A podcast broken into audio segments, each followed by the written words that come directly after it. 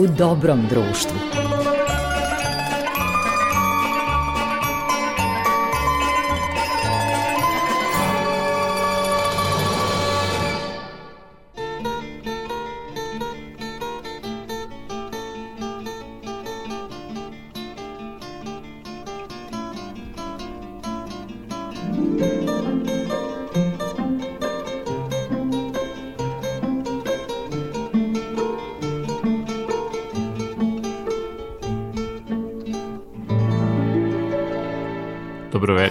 poštovani slušaoci, dobrodošli u novo izdanje emisije U dobrom društvu. Pred mikrofonom je Goran Vukčević, vaš domaćin, a ovu emisiju kao i uvek tonski uobličava Marica Jung i naravno tu je odabrano društvo.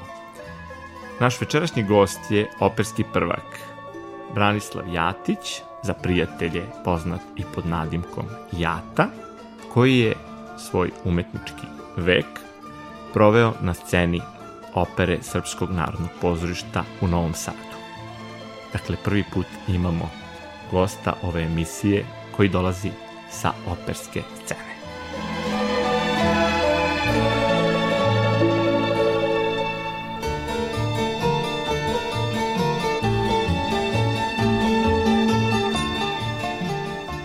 Dobroveče, gospodine Jatiću. Hvala vam što ste odvojili vreme da dođete u studio Radio Novog Sada, prvog programa radija Radio Televizije Vojvodine. Hvala vama na pozivu, zadovoljstvo mi je. Jedan deo publike, ja mislim da ne zna baš najbolje šta znači imati tako veliki opus za sebe i veliki put operskog prvaka, koliko je to u stvari zahtevan, težak posao. Kako se čovjek opredeli? Je to bio priziv Šta je konkretno uticalo na to da baš krenete ovim putem? Pa sad to mogu da odgovorim i kratko, a i malo duže. Ja bih volio malo duže, ako mi dozvolite. Naravno. Naprimjer, ja sam se prvo inficirao pozorištem. Ne razmišljajući tada, naravno, što sam bio dečak, bio sam mali, uopšte o karijeri operskog soliste. Dakle, moja majka je radila u pozorištu od 52. godine, ona je prvi profesionalni kostimograf Srpsko pozorišta Stanislava Jatić.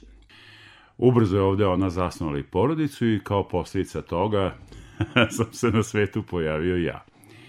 Tada je SMP, što je neverovatno kad se setimo da je radilo u zgradi sadašnjih pozorišta mladih, da Nedaleko je... od ovog radija. Da, da, da. da. Ove, ovaj, I da je imalo jednu scenu, uslovno je poslalo i druga u teatru, u Veselom teatru Benakiba, ali da je tada pozorište redovno, srpsko narodno, jel, izvodilo 22 do 24 premijere godišnje u sezoni.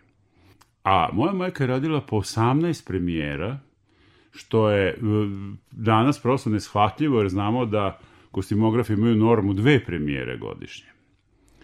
Znači, ona je jedno delo čitala, drugo ovaj, je bilo u razgovorima sa rediteljima, treće je crtala, slikala, za četvrto je kupovala materijale, za peto je išla na probe ovaj, ili u radionice gde su se šili kostimi i to je tako išlo iz meseca u mesec. E sad ona je bila, učestvovala u NOB-u, pa je tamo bila zatvorena u logoru jedno vreme, pa su je tukli, mučili. I njoj je kičma povređena, jedna noga joj se sušila. Noga joj se sušila. I ona je imala tako hod da jedna noga udara jače, jedna slabije. Naravno, probe su trajale po čitave dane, ono od ranog jutra do duboke noći. Bila udarnička kuće, vremena. Pa do da. udarnička, bukvalno takva. I ja sam, sećam se toga da sam kao klinac od 3-4 godine, pošto nikad nisam viđao u kući, samo čekao da se ona vrati kući. Stanuli smo u ulici Vase Stajića, tada veoma tihoj. Ja sam iz daleka čuo njen hod. Prepoznavao sam ga po tome što je jedna noga, kaže me, udarala jače, a jedna slabije. I kad sam čuo da se mama vraća kući, ja sam onda zaspao. Onda sam bio miran i zaspao sam. Ali kad sam se ujutru probudio, nje već nije bilo. I malo kad sam bio stariji, sa nekih 5-6 godina, kad sam hteo da je vidim, ja sam morao da odem u pozorište, ili u radionice, ili na probe, ili bilo, bilo gde, mislim, u, gde se trenutno neki proces gde ona bila zauzeta odvijao. Tako da sam ja upoznao pozorište sa one druge strane prvo. Upoznao sam majstore, krojače, stolare, bravare, video sam glumce koji dolaze na probe kostima, pevače, balerine, baletane i tako dalje. To su bili moji prvi susreti sa pozorištem i tu sam se ja malo inficirao sve to, pa sam sedao na probama, gledao čoveka koga sam video malo pre, u privatnom izdanju pod šminkom, pa mi je delovalo to nestvarno i neverovatno. I kažem, to je mene nekako podvuklo mi se pod kožu, mada sam ja sebi neki drugačiji životni put planirao, voleo sam fiziku, hteo sam da studiram to, i ovaj, negde već početkom srednje škole sam shvatio da a, mi ona komponenta koja je tu jako bitna, matematika, počinje da pravi sve razmak između onoga što je potrebno za jedno ozbiljno bavljanje fizikom i onoga što ja mogu da pružim na tom polju, jer očito da nisam za to bio nikakav talenat. E, u to vreme sam jako radno sam mutirao sa 12-13 godina i to je upadalo u oči, jel? Pa je tu, jel, naš stari operski pevač, neki Vlada Popović, prijatelj naše kuće, meni posavetao da odem kod Teodora Dinjaškog, čoveka koji je predavao u srednjoj muzičkoj školi, a 11 godina je proveo u Italiji, što kaže učio je pevanje na izvoru, da odem kod njega da me on čuje.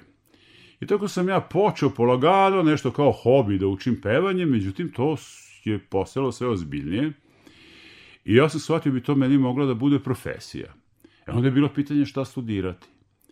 A pošto sam se već tada bio formiran kao niski muški glas, shvatio sam da u ruskim operama ima gro repertoara veoma kompleksnog za tu vrstu glasa, pa sam onda upisao ruski jezik i književnost. Mislim, ajde da ja te uloge, kad ih budem spreman, dana mogu da ih onako dubinski izanaliziram, da dobro znam svaku reč, šta znači i tako dalje. Sjajno. I to je tako nekako krenulo da postalo ozbiljno i ja sam već video da će to biti moja profesija. Tada je bilo na u sistematizaciji tri radna mesta za basa. Jedno se, u jednom se to radno mesto oslobodilo. Ja sam došao više iz neke znatiželje kako ću biti ocenjen i gde su moji dometi na tu audiciju sa 21 godinom. I na moje veliko čuđenje bio sam primljen i postao sam član SMP p-a još 1977. godine.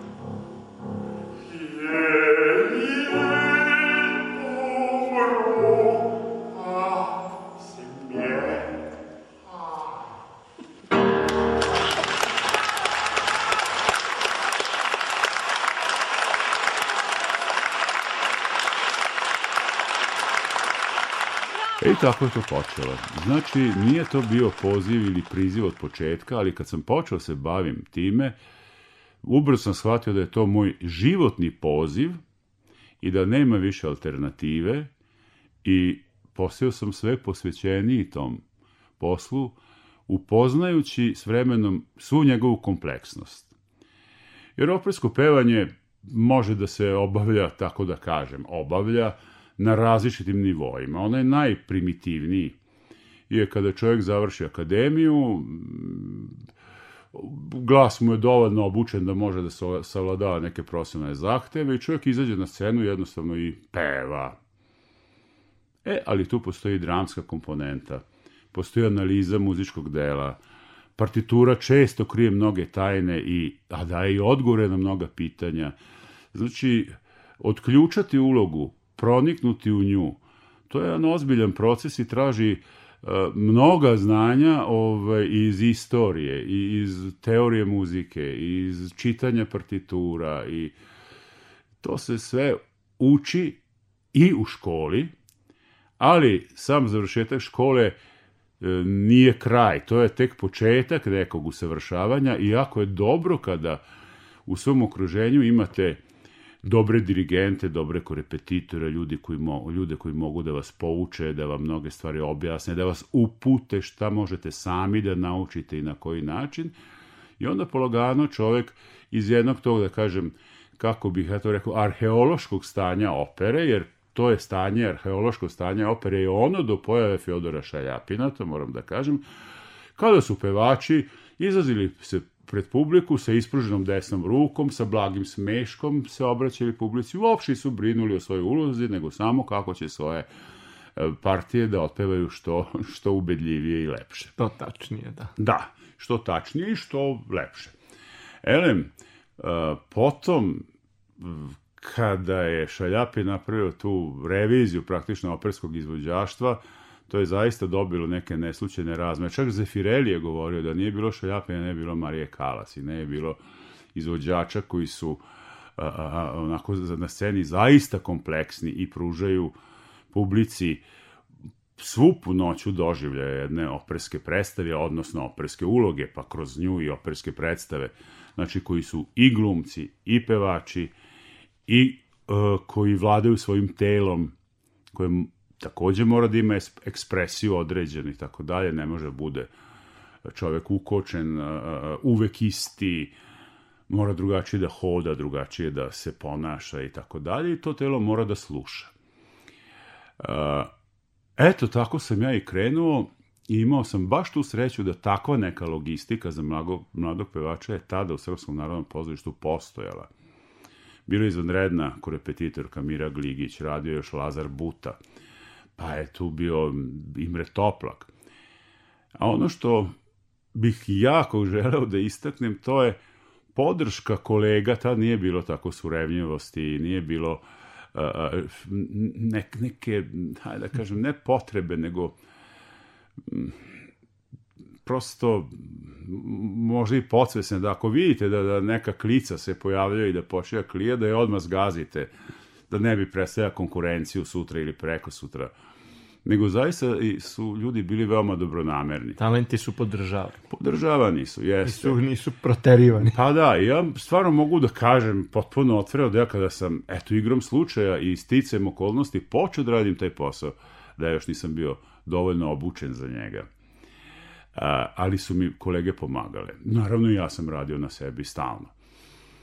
I nešto što sam pričao drugim mojim pevačima na raznim gostovanjima niko mi skoro nije poverovao, da je postao jedan takođe bas u SMP-u koji se zvao Rudolf Nemet i to sam saznao 20 godina kasnije. Ja sam debitao sa ulogom starog jevrejna u Samsonu Dalili, Daleli, ulozi koja nije velika, zauzima prvi čin, ali nije ni malo laka i ima ekstremno nis, nisku notu kojom završava ovaj, što je za mladog čoveka još možda Ozbiljan zadatak. Možda i nepostižno, da pa potom je sledeće sezone sa 22 godine sam pevao od najtežih partija u operskoj literaturi, a to je Veliki inkvizitor u Don Carlosu. Priznam, imao sam takvu paniku da bio sam mlada, trebao sam da glumim starca od 90 godina, slepog, Izazovi na startu. Da, da, da. I to je bila naravno teška šminka i tako dalje. Ja sam imao ne, ponekad na nekoj predstavi uh, uh, paničnu želju da pobegnem pred sam izlazak na scenu, onako u kostimu, u toj šminki, da samo istrčim na ulicu i da odjurim ne znam kuda. Mislim, to sam savladavao, ali to su bile stvarno muke. Prevazići samog sebe taj strah, tu ogromnu negativnu tremu. Posle više godina, kažem skoro dvadesetak, ja sam saznao da je Rudolf Nemet svestan teškoća tih uloga koje su meni kao jako mladom pevaču bile davane, te uloge učio veoma diskretno. Da ja ne znam. Da. Ali spreman da ukoliko se nešto desi da ja to ne mogu da iznesem, da on kaže, mali skloni se u stranu, sad ću ja. Ili ukoliko mali pobegne. Pa. Ili ako, ukoliko mali pobegne. Ove, ali kažem, time me on spasao fijaska na sceni, traumi koje posle nastaju uh, uh, i koji čovjek onda teško može da se oslobodi kasnije sam ja s njim i radio i, i vokalnu tehniku i puno razgovarao i tako dalje. I on je mene mnogo, mnogo čemu naučio. On je zaista bio jedan stabilan, siguran pevač. Puno je snimao i mađarske, mađarskih narodnih pesama. Ja mislim da u arhivi vaše može nešto se nađe u njegovom izvođenju. I, je, i jednom već je bio prilično star u penziji, ali je nastavio naravno da peva tada pozorište nije, nije zaboravljalo svoje umetnike u trenutku kada odu u penziju, kao što je sada slučaj, nego kao što je gospodin Šalić u drami, to je administrativni moment kad čovjek ode u penziju. Ali, ali on još bio uvijek pot... su na sceni. Da. Ali su još uvijek na sceni, pa, pa i kao Rade Kojedinović, pa kao Zaida Krimšamhalo, pa da, pa kao da. čita ta plejada velikih naših glumaca, tako su i pevači, dogod su mogli da pevaju, pevali. I on je već bio preko 70 godina, prilično sagoreo ovaj, od tog posla koji zaista je stresan, nije lagan i tako dalje. I sećam se, bilo je jedno zimsko jutro, sedeli smo u klubu, sad već novog SMP-a, i onda mi je on rekao, znaš, ja sam bio jako obražen. Ja sam sve mogao da otpevam i uvek sam pevao dobro. I mislio sam da sam veliki umetnik. Sada, kaže, kad posmatram svoj put unazad, shvatam da sam bio umetnik samo nekoliko trenutaka.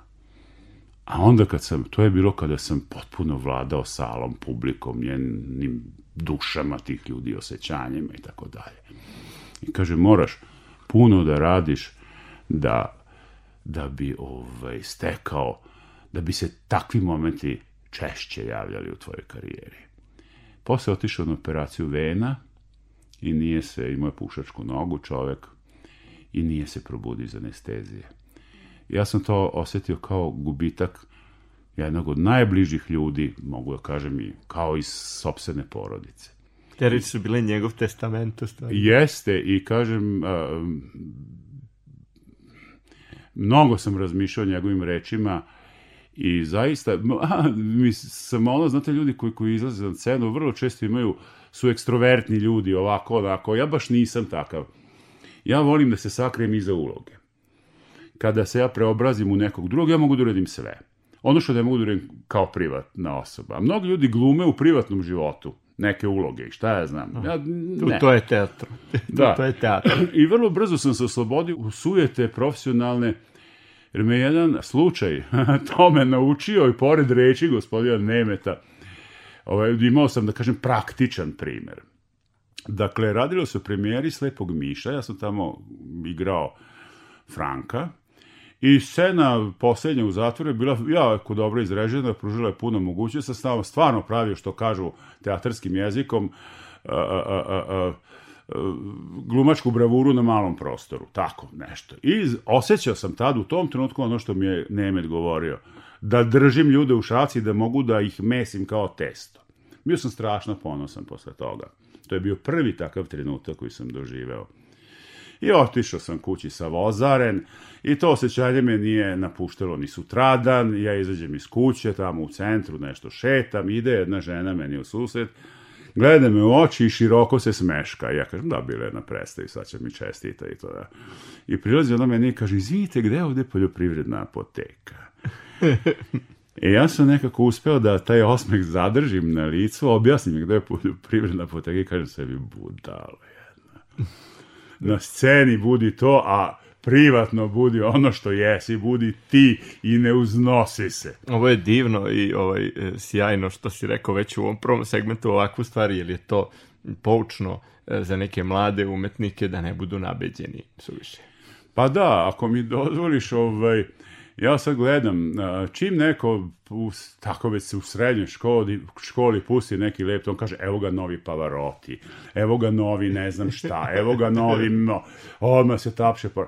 A nam je profesor Dinjaški govorio, nekoliko stvari. Jedna je bila, kaže, treba raditi puno, očekivati malo. I onda druga je bila, kaže, ako budeš puno radio, ako bude, sre, ako bude sreće i zdravlja, Ako Bog da, za divno čudo možda ćeš i ti postati pevač. Znači sa puno ograda. Mnogo ako. Mnogo ako i ako i, i na kraju za divno čudo ćeš možda i ti postati pevač. Tako da smo mi tamo dobili taj neki trening da, da se ne primimo važićim nešto lepo otpevamo i dobro otpevamo. Sad je pravi moment da napravimo pauzu naravno, muzičku, a tvoj predlog je, u stvari, vaš predlog je? Pa dobro, ne moramo se vikati, tikati, na ti smo, pa nek tako i ostane. Ovaj... Da, dugo se poznajemo, to ba, pa da, pa zaista, da zaista dugo. Ovaj... I, I dugo sam te zvao u ovu emisiju, ali smo čekali pravi trenutak. Pa da, da, da. Hajde da pustimo jednu ariju iz opere koja ovde nije nikad izvođena, a to je Mefistofeles Ariga Bojita Snimak je iz sale Čekovski Mos u Moskvi i svira orkestar Svesavezne radiotelevizije Rusije, diriguje Igor Golovčin. Slušamo i uživamo. Thank you.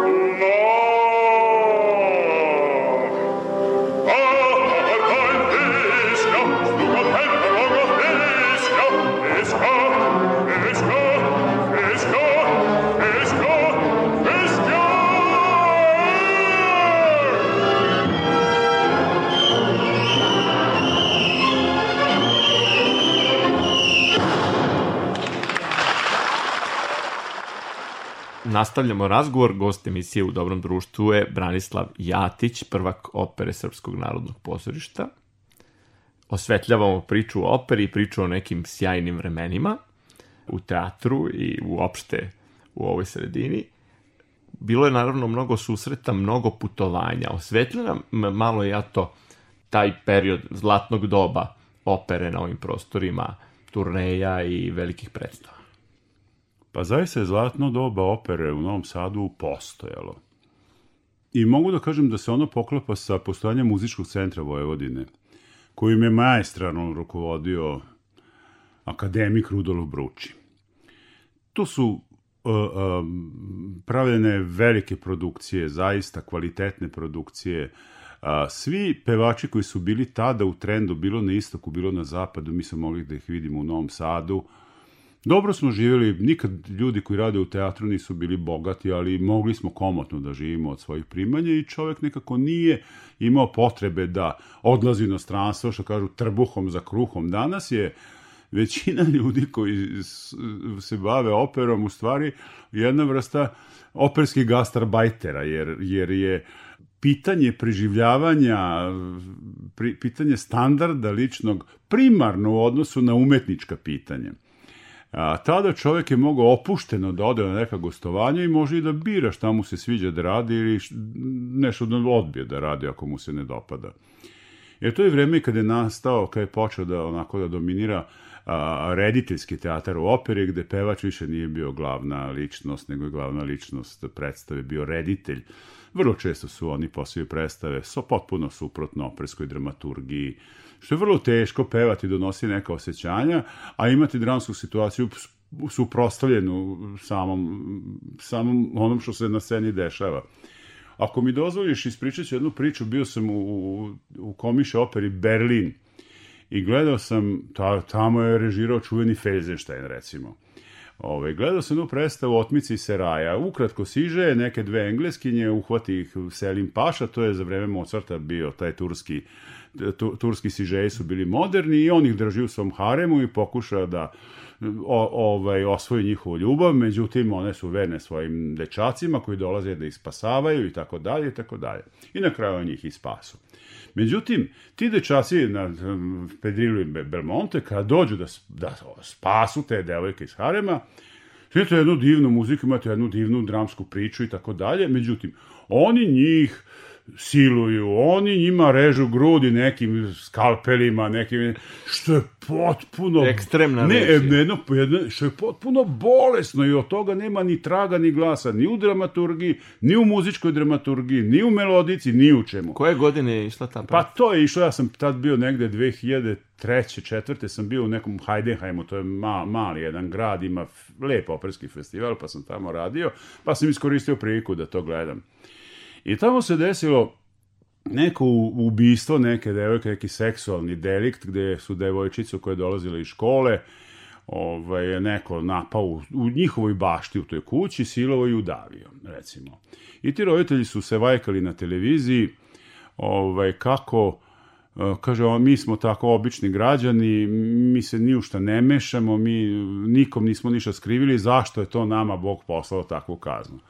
Ja sam svojim domaćinima sa jednom pričao o tome i kažem, pa znate kad u jednu elitnu umetnost koja, koja treba bude, koja je u stvari uvek umetnost visoke stilizacije i tako dalje, uđe nasilje. jedna nasilje, jedna nakaradnost potpuna i ljudi na kraju preste tapšu.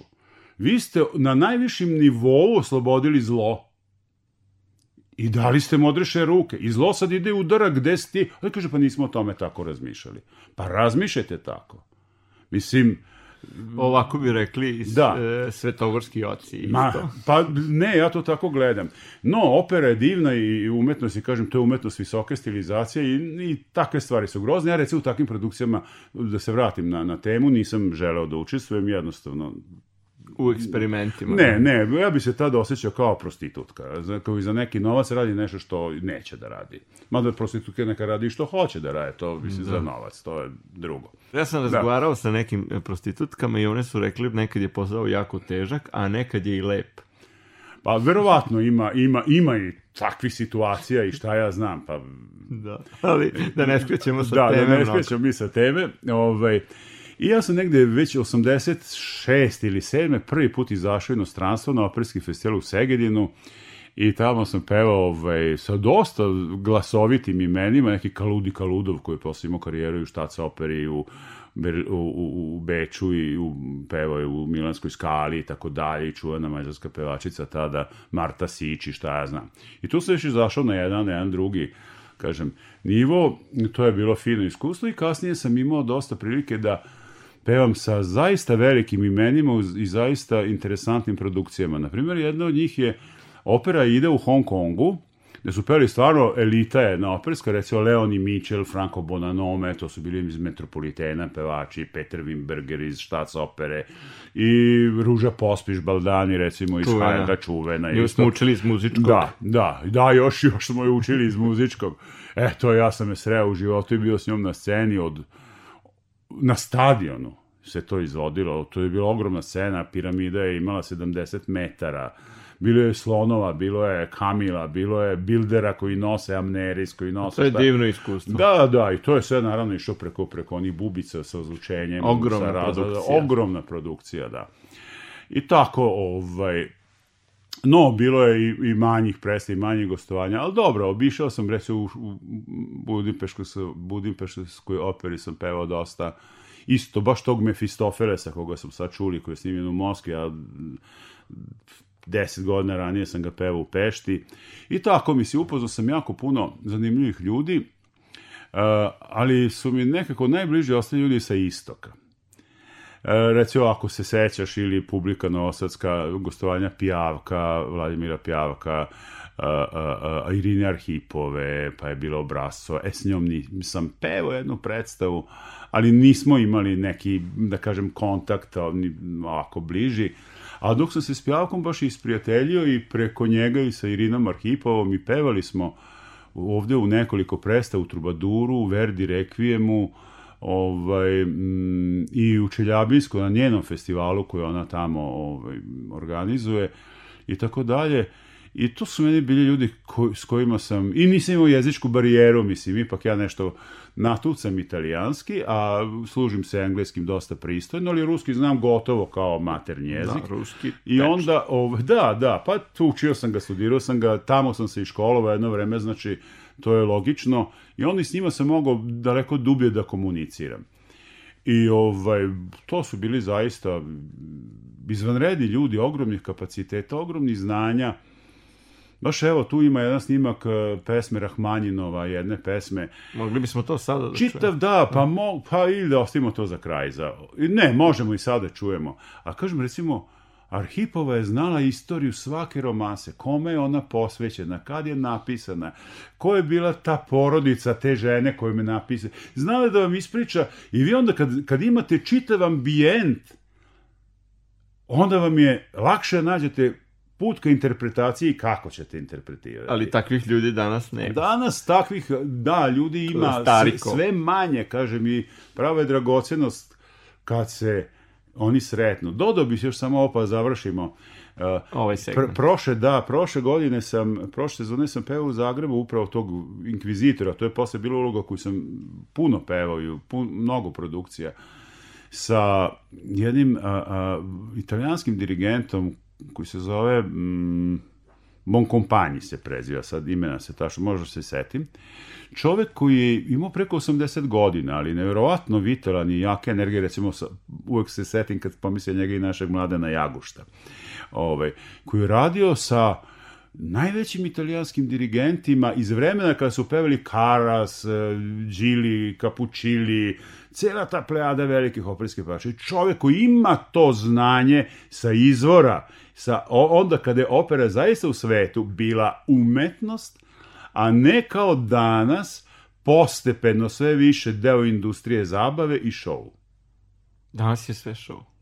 Da. Da. Umetnost se negde tu sad pojavljuje samo u tragovima. Jeste, kao redki leokociti u mokraći, recimo. Da. Da. da. O, zanimljivo poređenje. Ostajemo pri ovome da slušamo Rahmenjinova. Ajde da slušamo Rahmenjinova. Lope, lope.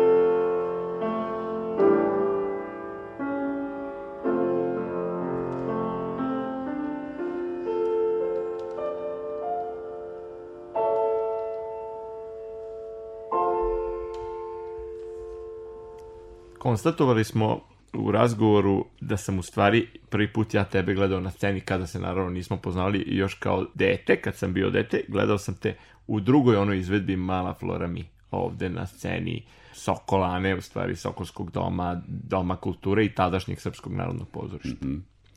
Koje su još neki trenuci koje pamtiš iz nekog starih vremena, iz nekih prohujalih dana i hoću da, da nekako napraviš paralelu danas koliko se mladih ljudi opredeljuje za operu, za taj put, koliko je on utaban, koliko je neizvestan i uopšte gde je opera danas u svetu, a gde je u ovoj zemlji gde postoji jeli, samo u, u Narodnom pozorištu u Beogradu i u Srpskom narodnom pozorištu u Novom Sadu, koliko smo sačuvali takvu jednu umetnost na ovom prostoru?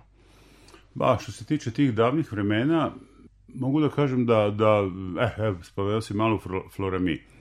To se smatra opereta jednim lakšim žanrom, međutim on nije Ivo lakši. On je da Ivo Tijadadović, izvanredan kompozitor i lepa priča, jedan fini ovaj, siže, ono na lomu Prvog svetskog rata i šta ja znam, tako da. dalje. Ali ona traži neka kompleksna, kompleksnija, ajde da kažem, e, e, e, znanja, ne, ne, pa ne mogu kažem kao opera, teško je to um, porediti Kruška je kruška, jabuka je jabuka, mislim. Ali kažem, tu čovjek mora da zna i da igra, mora da zna i da govori, ima dramskog teksta, ima i šta. Znači, ima više, sastoji se od više komponenti. Ima glume tada je, dosta. Da, da, tada je u Novom Sadu bilo zaista spretnih jako pevača koji su znali ovaj, taj žanr, osjećali ga i poznavali ga. Poseti se samo Julije Bisak ili Hartig, da. jel tada? iz, pa, i, i, i stvari publiku ovaj, potpuno osvajali. Pa jeste, ali su i operske pevačice kao Irena Davos i Rematanović i Zdenka Nikolić izvanredno nastupale u, u, u ovaj, operetama. Zato kažem ja op, operetu gledam sa velikim poštovanjem i, i kada se napravi uspešna predstava, to je zaista vredno svake pohvale. No, mladih je uvek bilo koji su, koji su inklinirali opere. Opera je takva, ja kažem, umetnost koja traje vekovima i trajaće još možda neko vreme.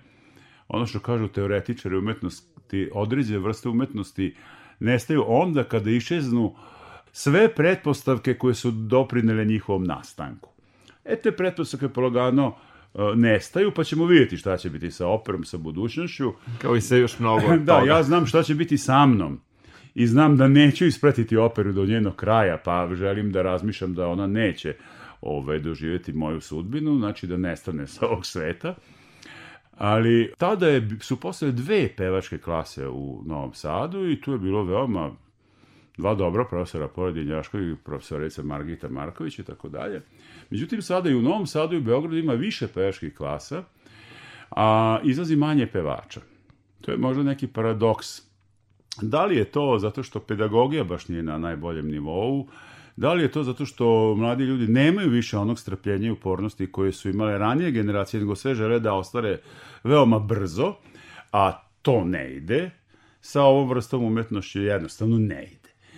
I to je jedan, da kažem, mm, mm, mm, uslov zbog koga opera više ne izgleda tako dobro i kvalitetno kao što je izgledala pre 20 ili 30 godina kada su posle plejade zaista dobrih pevača ovaj, i, i reditelja i, i, i dirigenata. Sada su to jedinice. To nije... Ali druga stvar je i nebriga društva. Znači, kultura kao uopšte jedna pojava je marginalizovana u našem društvu. Mi ne shvatamo da postoji kultura u užem i u širem smislu, a kultura u, u širem smislu nema bez kulture u užem smislu. I onda onako nekulturni i prosti uh, gubimo na svim poljima. Gubimo i u politici, međunarodnim odnosima, gubimo teritorije, jer, jer ne znamo kako se ponašati.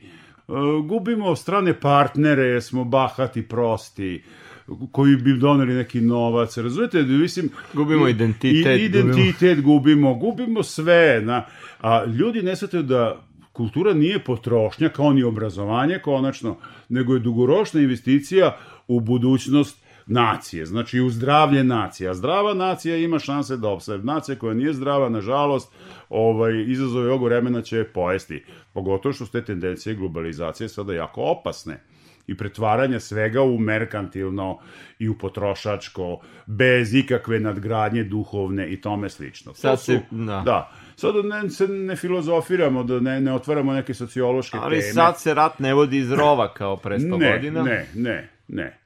Sad se rat vodi na drugi način, ekonomskim sredstvima, veoma medijskim sredstvima, mediji su užasno jaki danas, manipulacijom mišljenja, tako dalje, obezličavanjem ljudi, eh, da. i tako dalje. I onda... Da, da, ne odemo predaleko. Da ne odemo predaleko, ali kažem da, da kultura je ono što jedan narod čuva, što ga brani što mu daje vitalnost da izdrži ta neka vremena i da ne izgubi svoje elementarne orijentire. Jer ideologije nema više ni u politici. Imate samo kleptokratski interes i ništa drugo. I da. ništa drugo. A gde je ideologija u politici? Nema. Nema više. Ništa u nadi da dolaze ipak neki bolji dani, Ja da, ću da. ti kažem, evo za kraj, pošto ovaj, pa treba ja, da ja, ja, ja, izgleda, da, ja izgleda da sam se baš raspričao ne, prijem, ali, prijem ali, društvo. Pa- bilo je veoma zanimljivo. Ali hoću ti kažem da ljudi koji se bave umetnošću, a, a, zaista posvećeno i kao nekim životnim pozivom ili prizivom, kako hoćeš da kažeš, bilo da su oni pevači, slikari, a, oni a, se ne obaziru na teškoće ovaj, i na materijalne, ovakve i onakve kojima su izloženi. Oni jednostavno to rade Zato što moraju to da rade. I ja tu ne priznajem reč žrtva.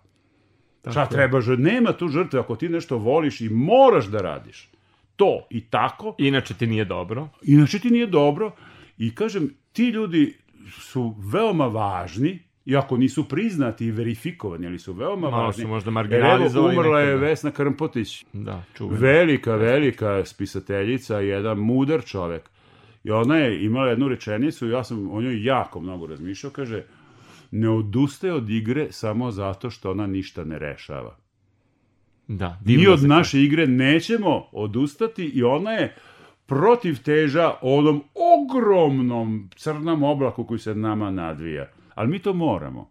A rezultat vidjet ćemo na kraju. Prave reči za kraj. Šta ćemo čuti u odjavi ove emisije? Hajde da čujemo, samo da kažem, ovaj snimak Rahmanjinova je snimljen u Novom Sadu, za klavirom bio maestro Aleksandar Kojić, mislim to ne smem da propustim, da kažem. Naravno. Ovaj, I ne želim da propustim. A možemo čuti sad Ariju Alviza iz Džokonde, isto To je opera, poslednja opera moje majke kao kostimografa koju radila kao profesionalni pre odlaska u penziju. I opera koja je izvedena tada u Novom Sadu i nikad više, a izvanredna je. Pa možemo čuti Ariju Elviza iz upravo Đokonde Amilkara Ponkijelija. Hvala ti od srca, poštovani slušaoci, vaš i moj gost bio je operski umetnik Branislav Jatić. Čujemo se ponovo sledećeg petka, uz vas će kao i obično biti Marica Jung koja tonski obličava ovu emisiju i urednik i autor emisije Goran Vukčević. Prijatno, hvala još jednom. Prijatno.